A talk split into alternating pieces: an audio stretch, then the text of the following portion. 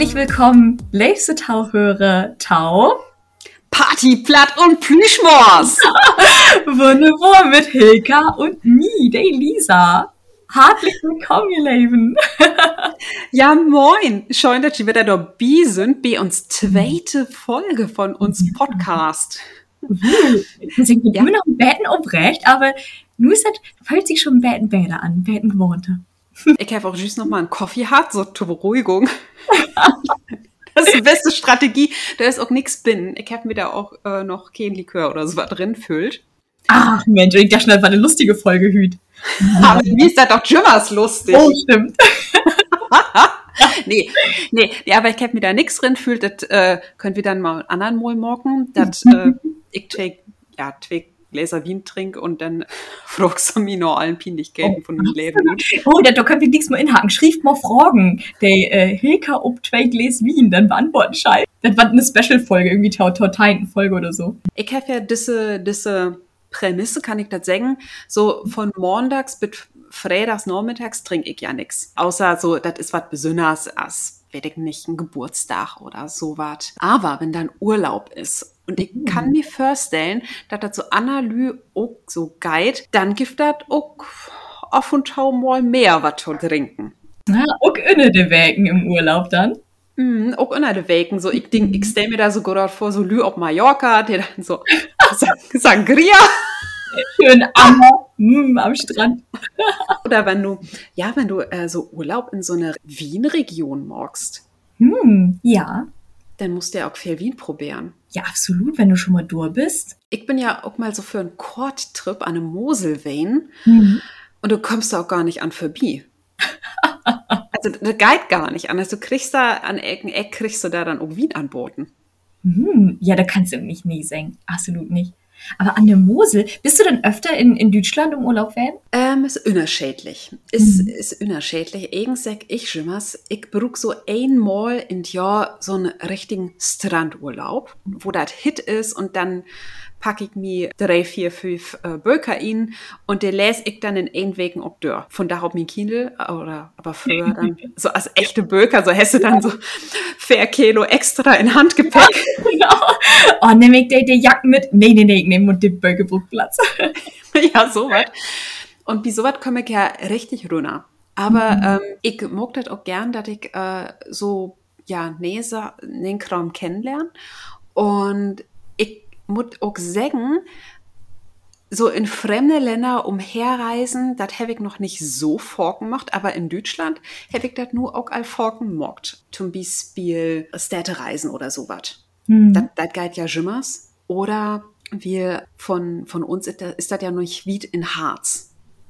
Oh, schön, ja. Der Harz, der ist so wunderschön. Also mhm. klar, für das Wandern ist das super, das ist auch so vielfältig krass. Aber auch so die, die Städte da. Wunder, wunderschön, so zum Beispiel Blankenburg. Oh, Blank Blankenburg ist. Noch nimmes vorher von hört, aber. Ja. Also, das kann ich echt sagen. Der Harz ist großartig und äh, vielleicht hättet ja auch der ein oder andere von mir in Instagram-Bogal mitkriegt. Der Harzer Wandernadel. Ah, na. Was ist das für eine, ja, ich vielleicht noch nicht mitkriegen habt? ja, der Harzer Wandern. Ich, also, das muss ich sagen, ich war nicht dafür betollt. das ist noch nicht, noch nicht. Noch, noch, ja, das, das habe ich selbst betollt. Das ist so ein Stempelheft.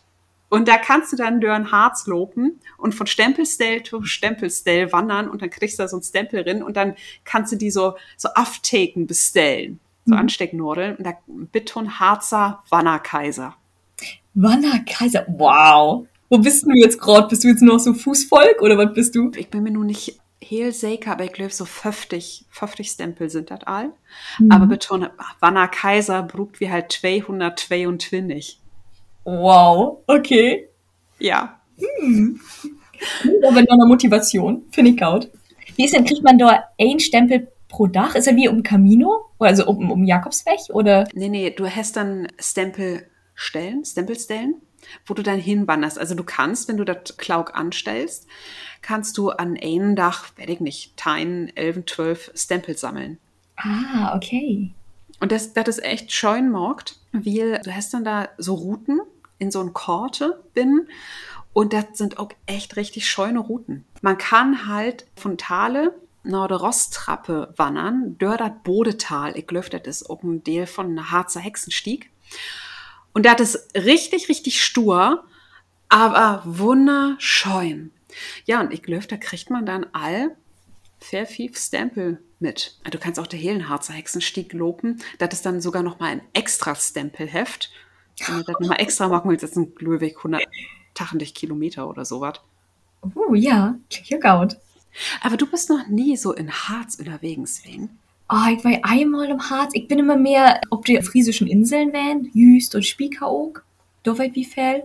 Und dann habe ich ja in Wismar lebt, also quasi genau dort, wo andere hinfeuert, um Urlaub zu machen. Habe mir ganz viel von Mecklenburg-Vorpommern ankäken. Mit der Seenplatte dort, Blau am See. Dort weit wie mir in der Wagens. Ja, das ist auch spannend. Mecklenburg-Vorpommern, weil, as wie secht hat, wir wollt äh, so ein Beten über das Reisen schnacken, mhm. habe ich mich ja so ein Beten vorbereitet. Ach, Mensch, ja, ja, ja. arbeiten.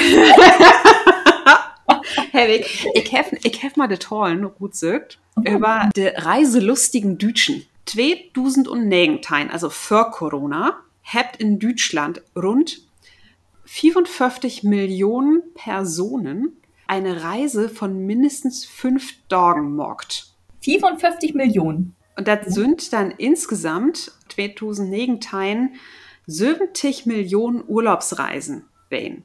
Und das ist ähm, so von der Person toll in 2020 gar nicht so viel runtergegangen. Da sind das, ja, beten weniger, aber bloß 10 Millionen weniger. Also nur, wird das in den verleden Jahr sind das 45 Millionen Personen wesen. Und insgesamt dann 50 Millionen Urlaubsreisen. Ach, tau der Lockdown-Tit? Ja. Mensch, ja. Ja. Und so der Dörsnit von der, von der Dua von Urlaub weh in das verleden Jahr auch 9,9 Dach, also tein doch. Mhm. Das ist gar nicht so wenig, liegt das Corona ja weh. Ich gedacht, das wäre weniger, mhm. aber das habt ja auch gerade in Deutschland so der, der, ja, der Urlaubsregion auch gesagt, nö, der Sommer, der wäre gut. Das wäre mhm. alles umgebucht. Ja. Ich, da, ich kann das nur von dem erzählen, wo ich das morgt habe in Wismar. Ich war noch im Mai, Juni, war ich ja noch durch.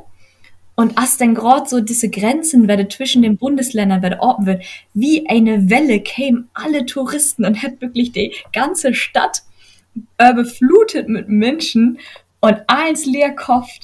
Und da habe ich auch gedacht so, wow, Wahnsinn. Aber das ist diese, diese Fernweh, was einfach in uns steckt. Und was man denn gut leben muss irgendwo. Das kann ich mir auch gut vorstellen. So, ich wäre ja auch mal ein Jahr in Ausland hab da lebt und ähm, mhm. das wäre auch für mich richtig, richtig wichtig, was ich da eins belebt hat. Also, wo bist du wenn?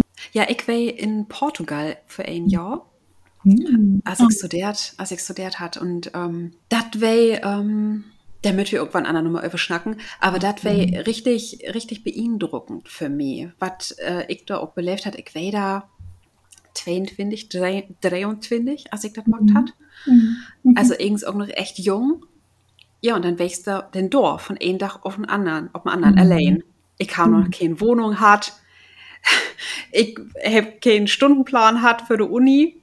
Ja. So, mein Portugiesisch ja. wäre auch nicht so gut. das war auch nochmal eine ganz eigene Folge über allein reisen und dann wirklich allein in ein anderes Land kommen, gerade was du dir nur als Schildern da das ist so, so viele sind da so bang für. Ich finde mhm. total stark, dass du das einfach so mockt hast. Ja, aber wäre ja nun vielleicht ja auch nicht so viel mit Utland. Und ich habe mir da aber noch mal was anderes ankickt. Und nun war das auch interessant, Lisa. Die beleiftesten innerdütschen oder binnendütschen Reiseziele sind in 2009 bei am Platz 1 Mecklenburg-Vorpommern. Uh, ja. Folgt von Bayern, ja. Dann Schleswig-Holstein, Platz 4, unser liebstes Bundesland Niedersachsen. Oh. Und dann Platz 5, Baden-Württemberg. Und das hätte sich in 2020 fast nicht ändert. Bloß. Mhm. Und mein lütsches, swattes, plattdeutsches Hart weint nu, weil Bayern und Mecklenburg habt ihr Plätze duscht. Oh nee, die feiert ihr nur alle Leben auf Bayern. Ja. Mensch. Oh, ja. also, kommt zurück, kommt sofort zurück. Kommt zurück, bitte, bitte kommt zurück zu uns in Norden. äh, wie, das ist so schön hier, das ist so schön hier und wie schnackt platt. Also, ja. Ja. so und, und wie so, äh, ich habe mir darum nur was gedacht, Lisa. Mhm. Und zwar, ich denke, Süddeutschland, lebe süddeutschen Torhörers, von Dach geidert bloß um Plattdeutschland. von Dach geidert bloß um Plattdeutschland. Wie möt wat don, dass Mecklenburg-Vorpommern, wer da auf Platz 1 kommt und der anderen Bundesländer natürlich auch. Mhm. Und darum habe ich mal so ein Beten Sehenswürdigkeiten ruht sögt. Aber mhm. Sünner der Inseln. Die Inseln sind nicht mit Dorbi, habe ich utnommen. Schleswig-Holstein, bitte, Levelü, kommt nur Schleswig-Holstein, weil da ist Lübeck. Mhm. Lübeck ist wunderschön und das gibt doch Marzipan. Bist du einmal in Lübeck gewesen? Ich bin öfter in Lübeck gewesen, ja. Da ich da von Wismar total Norway, äh, weil wir auch von Tower in Lübeck. Ja, das ist klasse. Und da gibt es ja auch so spannende Museen. Also das Buddenbrook-Haus, wo man mhm. viel über Günter Grass lehren kann. Und auch das Hanse-Museum. Das ist auch richtig interessant. Gerade, was da auch denn die Geschichte von Plattdütsch mit der Hanse? War das auch verklort? Ja, war auch verklort. Das ist dann viel Mittelniederdütsch wo ich dann am nächsten Öwe schnack, so, ja, wo kommt das Wort nur denn nur weg? und dann tell ich schon was, ja, in Allhochdütsch und in Mittelhochdütsch, aber auch in Mittelnederdütsch und in Allsässisch wäre das so. ja, also Lübeck ist echt wunderschön, Levelü. Ich habe aber noch zwei andere Sehenswürdigkeiten für Schleswig-Holstein gezückt. Und zwar noch Kiel. Kiel mhm. ist ja so, da kennt man bloß immer die Kieler Weken. Ja, ja. Ja, und äh, das ist eine große Party. Also ich habe da zweimal mitgemacht. Einmal, als ich in Kiel lebt habe, das war krass. Das war so, so mal und toll. Ich habe da eben wegen echt so viele dulle Eindrücke gekriegt. So Party, klar, aber auch Kultur und mhm. Leben. Das ist wow. Kieler Wegen ist klasse, ist richtig doll. Kann, kann ich mir das so vorstellen wie Dom oder wo ist das? Mit Schippen? Rumschippen? Dom ob Schippen. Dom ob Boote. Nee, nee, nicht, nicht als Dom. Also das ist kein Kirmes. Aber viel Bühne, viel Live-Musik. Der Hehlendach ist Live-Musik, ist irgend so ein großes Festival eher. Mhm. Und abends ist dann Party mit Lot in der Nacht. Und die Clubs sind open und du kannst aber auch ob Schiffe rumfahren, ob die Förde. Das Stadt ist dann eine einzig große Party. Oh. Ah, Party. Ja. Party, Party. Von Kiel, äh, wenn nicht Kieler Weken ist, ist Kiel, ich mag Kiel Goatladen, hat wunderschönes dran, aber auch ein U-Boot. Mhm. Das U-Boot U 954, das liegt in Kiel-Labö und das kann man sich auch ankicken. Das ist auch spannend. Kannst du ringorn? So richtig rote Oktober-Feeling? Ich glaube, man kann da ringorn. Mhm. Und ähm, das ist auch interessant. Ich glaube, das ist auch das letzte verbleven U-Boot von dieser Baureihe. Oh. Und da kann man sich das mal richtig vorstellen, wo das ist, so in so was. Also, wenn man so was mal für sich hat. Ja, und wenn man sich dann wirklich, aber ich kann das nur sagen, ich will, oh, jetzt will ich nicht Toulouse sagen, aber ich will in Bayern, in München, in den äh, Filmstudios in Babelsberg. Und dort, wo das Boot, also quasi in dem U-Boot, wo das Boot dreit worden ist, da kann man noch durchloben und sich die ganzen Requisiten ankicken. Und da ist es wirklich ein echter, ein echtes U-Boot, wo man dann durchlopen geht. Und das ist so beengt. Also ich, ich habe Beobachtung von dem Menschen, der dort wirklich leben muss. Total interessant. Und das ist so, fast man sieht, fast man jetzt doch noch mal in Bayern ist. Kickt ja das gerne mal in den Filmstudios Babelsberg an. Ja, aber nun lag das auch mit den Bayern von Ja, ich wollte gerade sagen, das, Werbung Ende. Ja. Und dann habe ich aber für Schleswig-Holstein noch mein allerliebstes Utflugsziel. Mm. Mein allerliebstes Utflugsziel, das sind irgendwie zwei, aber der hört zusammen. Und das sind das Wikinger-Museum Heiterbu und das äh, Schleswig-Holsteinische Landesmuseum in Gottorf. Okay. Der hört so ein zusammen. In Heiterbu, das ist auch wunderschön längen, ähm, an der Schlei. Mhm. Und da habt ihr eben so ein, so ein olle Wikinger-Dörpen wieder abbaut. Oh. Und, und Heiterbu, Hedebi, als der Wikinger das sagt, hat, das wäre eine riesengroße Stadt in das Frühmittelalter. Ich glaube, da habt 20.000 Lü lebt. Und das ist richtig, richtig spannend. Das kann man sich auf jeden Fall mal ankicken. Und das ist da auch in der Natur wunderschön, da mal lang zu lopen. Und dann gibt das auch eben das Landesmuseum in Schloss Gottorf. Mhm. Und das ist, da habe ich auch so eine richtig lustige Geschichte und meine Kindheit. Da ist so, auch so ein grotes Wikinger-Schiff und ich war da, glaube ich, glaub ich, ich weiß nicht, drei Jahre alt oder sowas und das vertellt mir mein, mein Öller noch. Ich äh, war halt so ein Lütschendern und dann hang ich da an so ein Geländer rum mit meinen Hand fast und hab da so rumschaukelt. und wär, ich war so richtig keck und da war so ein Lütschen Jong und die Kiekjimmers und ich hab in Toropen, Junge Gucke, Junge Gucke. Und äh, wo sich für die Moorleichen interessiert, der habt der hele Bereich in das Schloss Gottorf auch morgt, da kann man sich echte Moorleichen mal ankicken. Oh, echte ja, Moorleichen? Echte, oh. Ja, echte Moorleichen. Kann man sich doch mal ankicken, ist Schloss Gottorf und auch nur Heiterbu. Das ist so wie mein Reisetipps für Schleswig-Holstein, Sünder der Inseln. Damit wir Schleswig-Holstein mal wieder ein Beten nach vorne bringt. Ja. Und nun muss ich die aber fragen, was sind denn die Reisetipps für Mecklenburg? Ja, oh gern. Absolut. Also kickt auf jeden Fall nur Wismar. Wismar lohnt sich echt. Ich würde doch nicht vielleicht eine ganze Weg Urlaub morgen. Ich glaube, ist doch nicht taufellos. Aber gerade um die Innenstadt sich antau kicken, eine wunderschöne Innenstadt, ganz im Hansestil, ob der Insel Pöhl feuern und der Rapsfelder, der lopen. Das ist wirklich, das ist irgendwie das ist mehr als nur für Rentner und wie hält die Kaffeefurten? die, der, der, Heiz, Heizdeckenfahrten. Heizdecken, ja, du, du siehst dann in Wismar, wie diese riesengroßen Reisebusse voll mit Rentnern anfeuert kommt. Die ganzen Rentner rutschen, der dann erstmal der Kaffee Senf und kübt sich einen Kaffee und Kauken. Dann geht er in die Sektkellerei.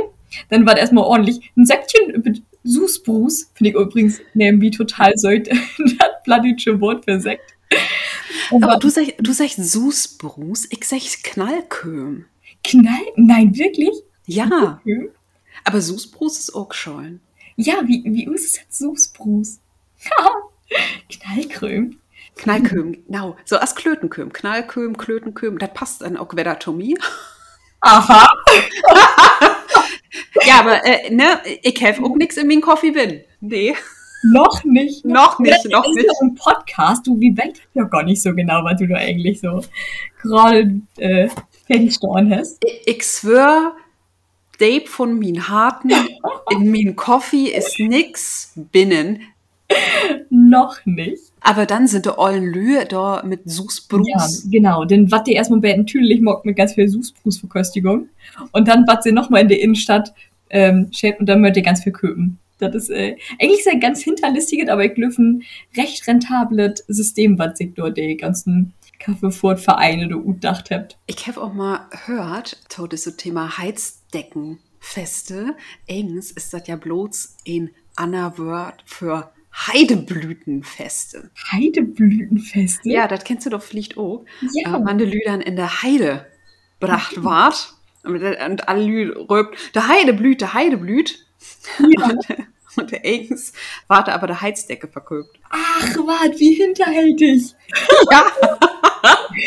oh, der wie hat immer Heideblütenfest in Sneven und in die Heidekönigin. Genau, da war du wie wo, wo ich wegkomme da. Bist du auch mal Heidekönigin wessen? Nee, nee, bei uns gibt das nur das Honigfest oder gibt das Honigfest. Ich bin aber nie Bienenkönigin geworden. Das wäre so cool, wenn. Aber du hast in der verleden Folge gesagt, das gave in Wismar bloß ein Disco. Ja, genau. Ja, Wismar ist gar nicht so groß. Also wir haben ungefähr, sind da dicht Dusen Inwohner. Und davon sind Feier bis Dusen Studenten. Also man hat schon recht viele Studierende. Und der Studierende ist auch wirklich wundervoll gerade wenn man sie dann immer die Utwahl hat zwischen lerne ich jetzt für meine Prüfung oder gehe ich Volleyball spielen am Strand? Mm, ah, ich weiß nicht. Okay, ich kann ja am Strand lernen. Kontertise, das klappt nie. Man lehrt einfach nicht am Strand. Wismar ist von mir ein ganz, ganz hitter Tipp. Und dann noch auf jeden Fall die Mecklenburger Seenplatte. Das ist so unberührte Natur wundervoll. Wir hatten eine Kanutour morgen, durch Mecklenburg-Vorpommern. Und das ist, man kann sich nicht mehr vorstellen, dass so unberührte Natur überhaupt noch in Deutschland zu finden ist. Wir sind da, wir sind da lang paddelt und plötzlich war ein Biber neben mir. Oh, Biber! Und die sind groß, das kannst du nicht vorstellen. Groß und haarig. Und hätte was echt? Nee, leider nicht. aber hier sind nicht wegflogen für uns. Die sind dann wieder paddelt, aber ja, da hat man echt Glück. Oder Eastvogels kann man sehen. Das ist echt wirklich voll die Natur. Wir habt auf Campingplätzen campt, von daher ging, also das war halt alles erlaubt. Und die sind direkt am, am Fluss wählen, das war einfach Taun Utspann, perfekt. Ich will mal campen. Das wäre bei Rerik an der Salzhaf. Ja. Und das wäre auch wunderschön und Rerik. Ach, das hätte mir auch gut gefallen mit der mit der Stil mit der Stilküste da. Mhm. Das wäre auch so schön und das ist so der lütsche Tipp nebenbei. Levelü, vielleicht habt ihr auch in der Schule das Buch Sansibar oder der letzte Grund lesen. Und das spielt in Rerik und man kann dort auch in de Kargerinnen gehen und die Figur der de Engel von Ernst Barlach ankicken. So, das wäre nun der Touri-Tipp ja. am Rand. ah, das ist ja spannend. Du bist ja eigenste Mecklenburg-Experte. Gibt das noch was, was man sich unbedingt ankicken muss? Ähm, jetzt das gerade. Ja, man kann eine ganz wundervolle Vorradtour der, um die, die blaue Acht hält. Um den Binnen- und Butensee von Schwerin mocken. Und das lohnt sich echt. Oder über den Schweriner See segeln, wenn man das gerne macht.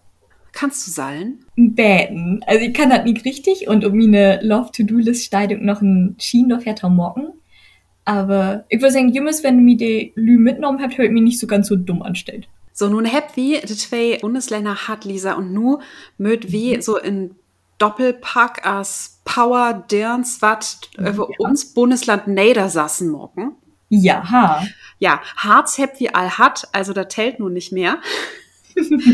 Was ist din super Tipp für Niedersassen? Mein absoluter super Tipp ist natürlich die Lüneburgsche Heid. Feiert unbedingt mal in die Lüneburgsche Heid. Das ist so eine wundervolle Landschaft, die so eine so interessante Geschichte auch hat, gerade wie das alles entstanden ist. Wenn man plötzlich in eine, in eine Herde von Heidschnucken storn deit.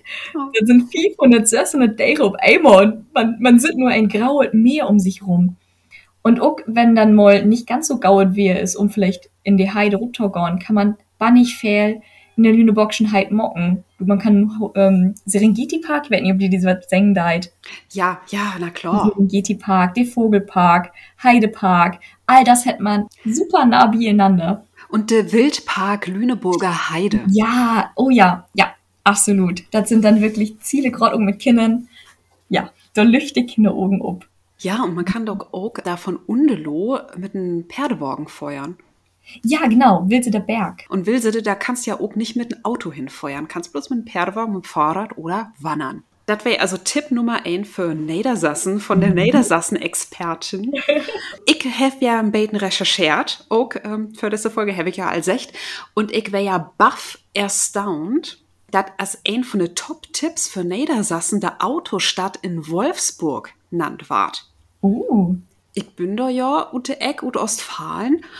Und klar kenne ich die Autostadt ob und dol. Ja, ich denke so für Autofans ist das super. Man mhm. kann da ganz viel über Autos lernen und das ist auch so ein richtig schönes Gelände. So, so ein Beten, also eine Mini-Expo, vielleicht kann man das beschreiben. Also so viel Datau. Was ich aber lever vielleicht mal empfehlen will, ist de, oh, da sind wir so ein Beten wieder, wie de Ders. Kein Biber, aber Otter. Das. Otternzentrum in Hankensbüttel. Mhm. Das ist mein Utflugstipp äh, für, Lü, für Lü, die so in Südost Niedersachsen unterwegs sind, das ist ein wunderschön Lütschen der Park, wo das allen so rund um Otter geht mhm. und man kommt da bannig, bannig nah an der Otter ran, aber auch in so in naturnorn umgeben. Das ist so, ja, ich glaube, man kann als sagen, so Heidmark, so an Rand von der Heide. Schön, das, das klingt wirklich schön. Ich, ich, ich mal als Kind ganz freue. Aber ich habe auf jeden Fall Lust, mal wieder hinterfeuern. Wir sind so ein Beten, auch irgendwo festlegt, ne? So ob der ob de Osten von Niedersassen. Ja. das gibt, das gibt auch bannig viel andere scheune Ecken in Niedersachsen, lebe Tauhörers. Also lebe, lebe Ostfriesen, lebe Lü und das äh, Münsterland oder das Ammerland rund um Hildesheim und Göttingen. Also wie dingt auch an Jau, aber wir mögt, wir mögt ja auch so ein Beten Lokalpatriotismus. Aber damit wie äh, ja auch nicht vergesst, äh, nicht vergeht, also Lea ist auch wunderschön. Kann man mal mhm. unbedingt hinfahren. In Nörden in Ostfriesland gibt es ein Teemuseum. Kann man auch hinfeuern. Ist wunder, wunderschön. Oldenburg, herrlich. Eins klasse und ja, auch in Söhnen von Niedersachsen. Wo das dann auch also in der Richtung von Harzguide. Lisa, ist es da scheun? Wundervoll. Absolut. Wunderschön ist das wie uns in Niedersachsen.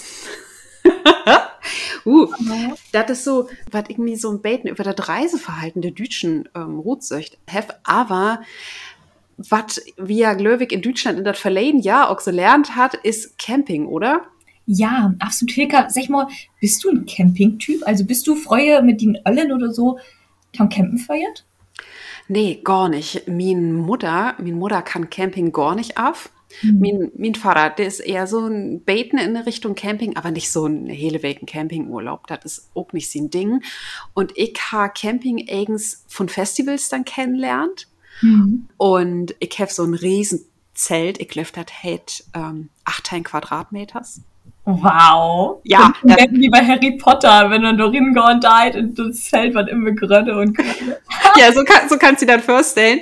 Ähm, das, ist, das ist super. Und so kann ich auch super campen. Aber so, so mit Wildcamping have ich das so zum Beispiel nicht so. Aber so mit so einem großen Zelt auf Campingplatz, wunderbar. Das okay. kann ich gut holen. Kannst du dir auch vorstellen, mit einem Wohnmobil irgendwie die Gegend feuern?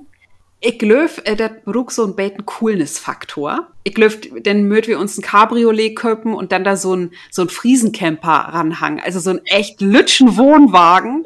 Ja. Also so ein richtig Mini-Ding, wo irgend so bloß das Bett bin ist und ein lütsche Kök und ansonsten nix. Also das fände ich dann, ob wir da witzig, das hätte Style. So. Okay, ja, das klingt schon mal gaut. Ähm, also meine Eltern sind mit mir nicht campen feuert. Mein Papa macht campen nicht so gern, meine Mama auch nicht. Aber ich habe für Camperarbeit. Wir habt in Usterb, äh, das nennt sich das Südseecamp in Wiezenderb. Das war so quasi die Anlobstelle, wenn man denn gerade so Pföftein Söstein will und arbeiten drauf, dann sind die Wietzendorfe Town Südseecamp und hab sich da in den Ferien immer ein Geld dort verdient. Und ich hab Brötchen verkauft. Und das, ich muss sagen, diese Erfahrung mit den Campern hat mich hart traumatisiert. Wir haben immer gesagt so, boah, wenn die Nordrhein-Wand dahin kommt, dann dann ist hier Land inne oder Engländer oder Holländer. Und der hat ungefähr 4000 Inwohner. Und ob dem Südseecamp könnte auch noch mal 4000 Camper leben. Oh, was? Da, dann, dann, der MP, da käme die dann wie der Heuschreckenploch, habt eins leer kofft, du hast nichts mehr kriegen und sind dann aufs, auf dem Campingplatz. Und das war enorme Tauschstand im Sterb, wenn das wirklich das Camp voll war. Und so hart wie Wiezenderb immer im Bett ein schlechtes Verhältnis tau Campern. Und wenn wir dann verglüht glüht haben für eine, für eine Party oder so, hätte der meist haten Ex oder Camper. Und daher habe ich nie lang echt dagegen, naja, doch, ich hab, wir hatten mir so ein Betten dagegen verschlossen, tau campen, weil mit eins nichts wär. Und wie mir hätte das dann nämlich auch mit Festivals wieder anfangen dass ich dachte so, boah, eigentlich ist Campen doch ganz cool. Also, ja, macht ja eigentlich Spaß, man ist in der Natur. Und ganz, ganz fair ist nun die Bewegung. So ein bisschen nachhaken, wie das mit dem Camping überhaupt kommen ist. Und Hilka, möchtest du mal ran, wer der allererste Camper wäre? Ich gebe dir ein paar Tipps. Also, hey ist, es war ein Mann, ein Jesus. Knapp knapp. Ötzi. Nicht ganz. Ich sag die Samtteil 180 ist er nämlich von München nach Italien reist, in seine Kutsche noch und hat dort ein Bett in. Bett, Leselampe und was schrieben. Ja, kennst du einen bekannten Schriftsteller aus Deutschland, der ungefähr ein Date left hat? Wer das Goethe? Ja, Mensch, nicht zum ersten Mal. oh, de olle Goethe. Der olle Goethe, das war quasi der allererste Camper. Das richtige Campen, so wie wir das noch kennt mit, oder wie wir das denkt mit Zelt und dann Wegfeuern, das kam erst so nach dem Ersten Weltkrieg, wo die Menschen so langsam werden im Beten mehr Geld haben, so in den goldenen Twintigen, dass sie auch mal wegfeuert sind und dass sie auch die Mittelschicht dann werden im Beten Urlaub leisten können, dass das einfach ging. Vom Zweiten Weltkrieg ist dann eins wieder inschloppen und nach dem Zweiten Weltkrieg hat das wieder anfangen und gäbe dann so eine richtige Camperwelle in Deutschland. Ach, echt? Das ist, äh, ja. Und da käme das dann auch das Campen so ein bäten schlechtes Image kriegen hätte. Das war dann so, ja, dann ist das dreckig und man pinkelt in ein Chemieklo. Man kann sich nicht richtig waschen und da steigt der Feinripp-Mann mit, ähm, naja, wie man das so kennt, Adidas Puschen mit einem Adidas Socken steigt dann durch. Und nu gibt es eine riesige Renaissance vom Camping. Kannst du dir vorstellen, was die Menschen nu werde so motiviert campen Togon? Vielleicht dat dat auch nur das Cinderella-Gift. Du meinst Urinella?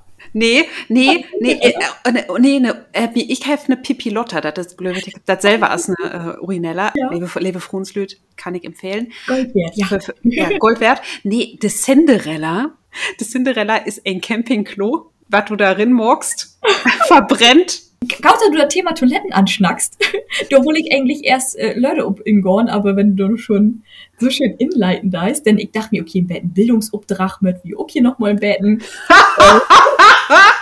Ja. ähm, ähm, und wenn man versucht wird, über Camp Camping zu finden, und ich habe jümmers nur Facts über Toiletten gefunden, vor allem über Campingtoiletten.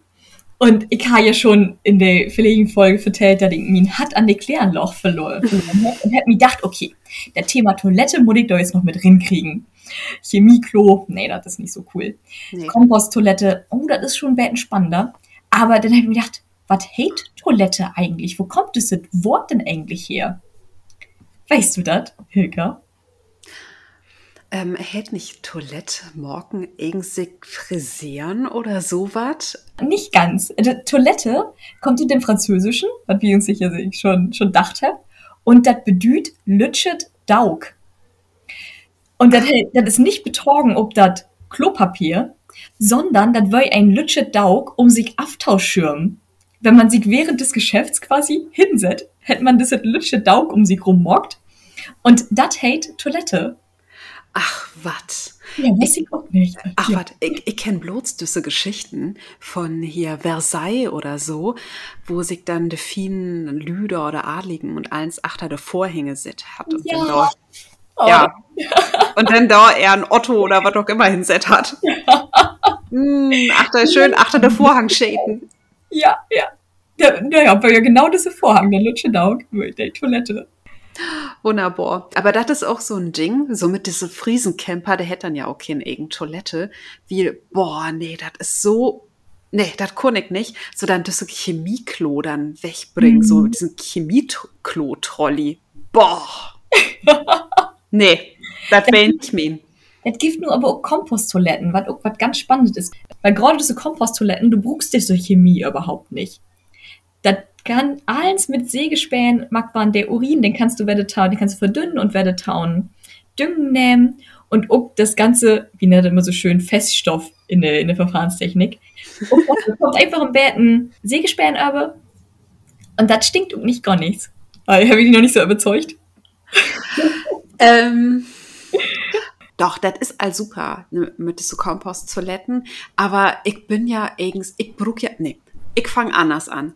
Ich brug Glamping. Ja, ich brug, Ja. ein, ich brug ein Badezimmer und ob die modernen Campingplätze, da gibt das ja so super Sanitäranlagen, das ist besser als man Bad, dass ich, dass ich hier to Hus have. Also, also, Wie nutzen das denn auf dem Festival? Also über Festival generell schnacken wir auf jeden Fall noch mal ganz viele andere Folgen. oh aber- Gott, ja, da, da brug wie viele Folgen, Oh Glöwig. ja, wir können allein über die Festivaltoilette, kann ich bestimmt eine ganze Folge vertellen, was ich noch für live habe.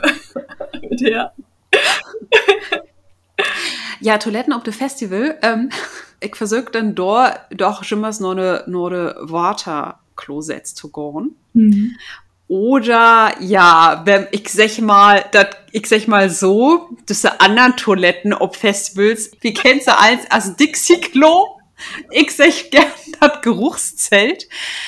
Das kann echt so an zweiten Dach eine Herausforderung sein. Also. Ja, oder du hast einfach noch, du bist noch tausensibel und buchst einfach noch zwei Wien, bis du dann da hochgehoben kannst und das einzig ist. Ja, das ist aber eine andere Folge, Lisa. Ich habe ja, ich, ich hab ja nichts in meinen Kaffee hat. Ach, stimmt, ja. ja. Ich mache in einer anderen Folge. Oder, ja, jetzt bin ich mir hey drüber zu schnacken. ja, Levelü, Coffee äh, und Wien und Festival nochmal wann anders, aber nur geiler Tourich. Zum Camping. Genau. Denn ich will noch mal einmal ganz kurz verklären, wo liegt denn nu der Zauber am Campen? Also, da dat nu so Wette kommen deit und da dat auch gerade viele junge Lü sich nu auch Camper Sülm baut und ähm, Camper ut verkauft sind. Und ganz, ganz viel oder viele secht, das ist diese maximale Freiheit und Unabhängigkeit. Du kannst morgen, was du möchtest.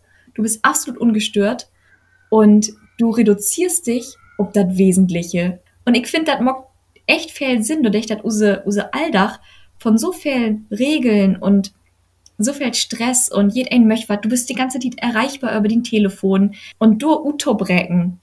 Das ist nur das Campen. Und daher war das so viel mehr. Aber ist das echt so? Wir, ob ein Campingplatz, da ist ja eigens ein haares Regiment. Lude Musik mut auf tein Uhr, mut Glock tein abends afstellt äh, worden. Das gibt Mittagsruhe. Und mhm. so frei ist das doch eigens auch nicht. Aber du bist komplett ut der Gesellschaft, Ruth. Also ut die in Alldach.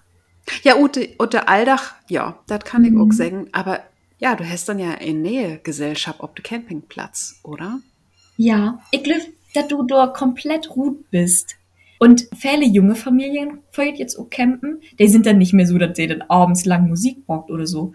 Aber du kannst, du isst, wenn du hungrig bist. Oder du, ähm, du geist schlafen, wenn du möchtest. Oder du ähm, hast, du hast ja auch nicht viel. Ich glaube, dass gerade diese Route kommen und so gaut wie nichts hemmen. Einfach eins in sie im Auto tahopen hemmen und maximal flexibel tauwen, um zu sagen, ach Mensch, Hüt gefällt mir das hier nicht mehr, morgen völlig woanders hin. Ich glaube, das mag den Reiz ut. Zumindest in der Firststellen. Ja, ja. und dann sitzt du auf einem Campingplatz zwischen den richtig ohlen Dauercampern mit die im Chemieklo und denkst dir, mm. Und die sagt die, nee, so morket wie nicht. Genau, genau. Auf dem Campingplatz, ja, das ist, das ist all anders. Das ist eine andere Sache. Genau, und daher denke ich, dass das gerade fair von diesem Campen und mag. Das ist, jedenfalls diese, dieses Idealbild von absoluter Freiheit. Das gibt dann ja auch noch diese Tiny House Geschichte. Mhm. So ein Tiny House finde ich eigens cool, aber das wäre ja bloß mein Ankleidezimmer. Ich wollte gerade sagen, so ein Tiny Schloss gibt das glaube ich noch nicht. ich brauche so ein tiny Schloss als Ankleidezimmer. Ja. Genau. Das wäre super. Was hast du noch zum Thema Camping? Das wäre dann auch allen schon. Da sind wir aber irgendwie auch wieder das andere Thema, Lisa. Nämlich, was hast du denn für ein Lied für mich vorbereitet? Ja, ich habe einen ganz wundervollen Song. Mhm. Äh, ich fange mal an. Nix kann mich durchholen. Ich bin durch den Himmel. 200 Grad. Sie nennt mich Mr. Fahrenheit. Ich such so fix as dat Licht. Ich möch ein Örbeschallkehl und die Mocken. Hol mi nu nicht trüch, ich hef grad so viel Spaß. Oh, Na? Mr. Fahrenheit. Mhm. Ist das ein deutschen Text? Nee, nee, ist Englisch. Ich, ich, wieso, wieso muss ich nur wie an von, von Shaggy Boombastic Dick? ähm, Not im Bloten nicht mehr hätten. nee, ich kann so viel vertellen, der Sänger läuft nicht mehr, der würde dann. Okay, das ist. Ich glaube, Shaggy ist noch an Leben, ne? Ja. Der wird bestimmt höchst beleidigt. Okay, und das ist ein Party-Song. Wie dem Song kann ich mich nicht durchholen. Nee, werde ich nicht. Ich, also da mhm. kannst du mir okay einen Tipp geben. Ich werde das, glaube ich, nicht. Mhm. Ähm, don't stop me now. Oh nein! Oh. Having a good time. oh, Queen. Ja, ja. Oh, ey, ich werde aber nicht auch kommen. Nee, ich bin, ich bin auch echt schwor, mit den Lyrics einmal dann der Dütschen quasi und dann nochmal platt. Wie den Song kannst du dir nicht zurückholen, das will ich ja auch mal sehen. Wenn das wirklich ein Menschen geben deit, der sich bei diesem Song, da wo nicht mehr die Lütsche Finger zucken deit, das muss ein Unmensch werden. Das ist ein Unmensch. okay, gut. Du dann, aber ein, dann passt das ja gut. Ich habe nämlich von da auch einen Song utsägt, wo ich mich nicht zurückholen konnte. Da musste ich jimmers mitgrölen und richtig Luhnmützing. Da war, da war ich richtig emotional. Oh, jetzt hast du ordentlich antiest. Jetzt kannst du nicht mit Shaggy kommen, das weißt du schon, ne? Ja. nee, Shaggy, Shaggy ist das nicht heftet. Übersetzt. Fremde Töft, ob und dol de grote Straat, sin Schäm sögt sie in de Nacht, Laternenlücht, lüde, Leven bloß um Gefühle zu finden, verstecken innerwegens in de Nacht. In the Night. Oh. Ist das von Elton John? Nee, Hm, Ist das von einer Band? ja, Englisch? ja. Hm. Hast du noch einen Tipp für mich? Äh, der Norm von der Band hat was mit uns Thema von Dach to Don. Camping? nee, die Band hat nicht Camping. Das Thema ist Reisen. Journey. Vacation? Holiday? Oh, Freddy, Freddy goes to Hollywood? Nee. Morgen? Oh, okay. Okay, helfst du mir? Du hast das all richtig. Sagt, the band hate Journey. Ja. Also das he- hate Don't Stop Believing Oh, von ja. Journey. Stop believing. Ey, der zählt aber als Punkt für mich, oder?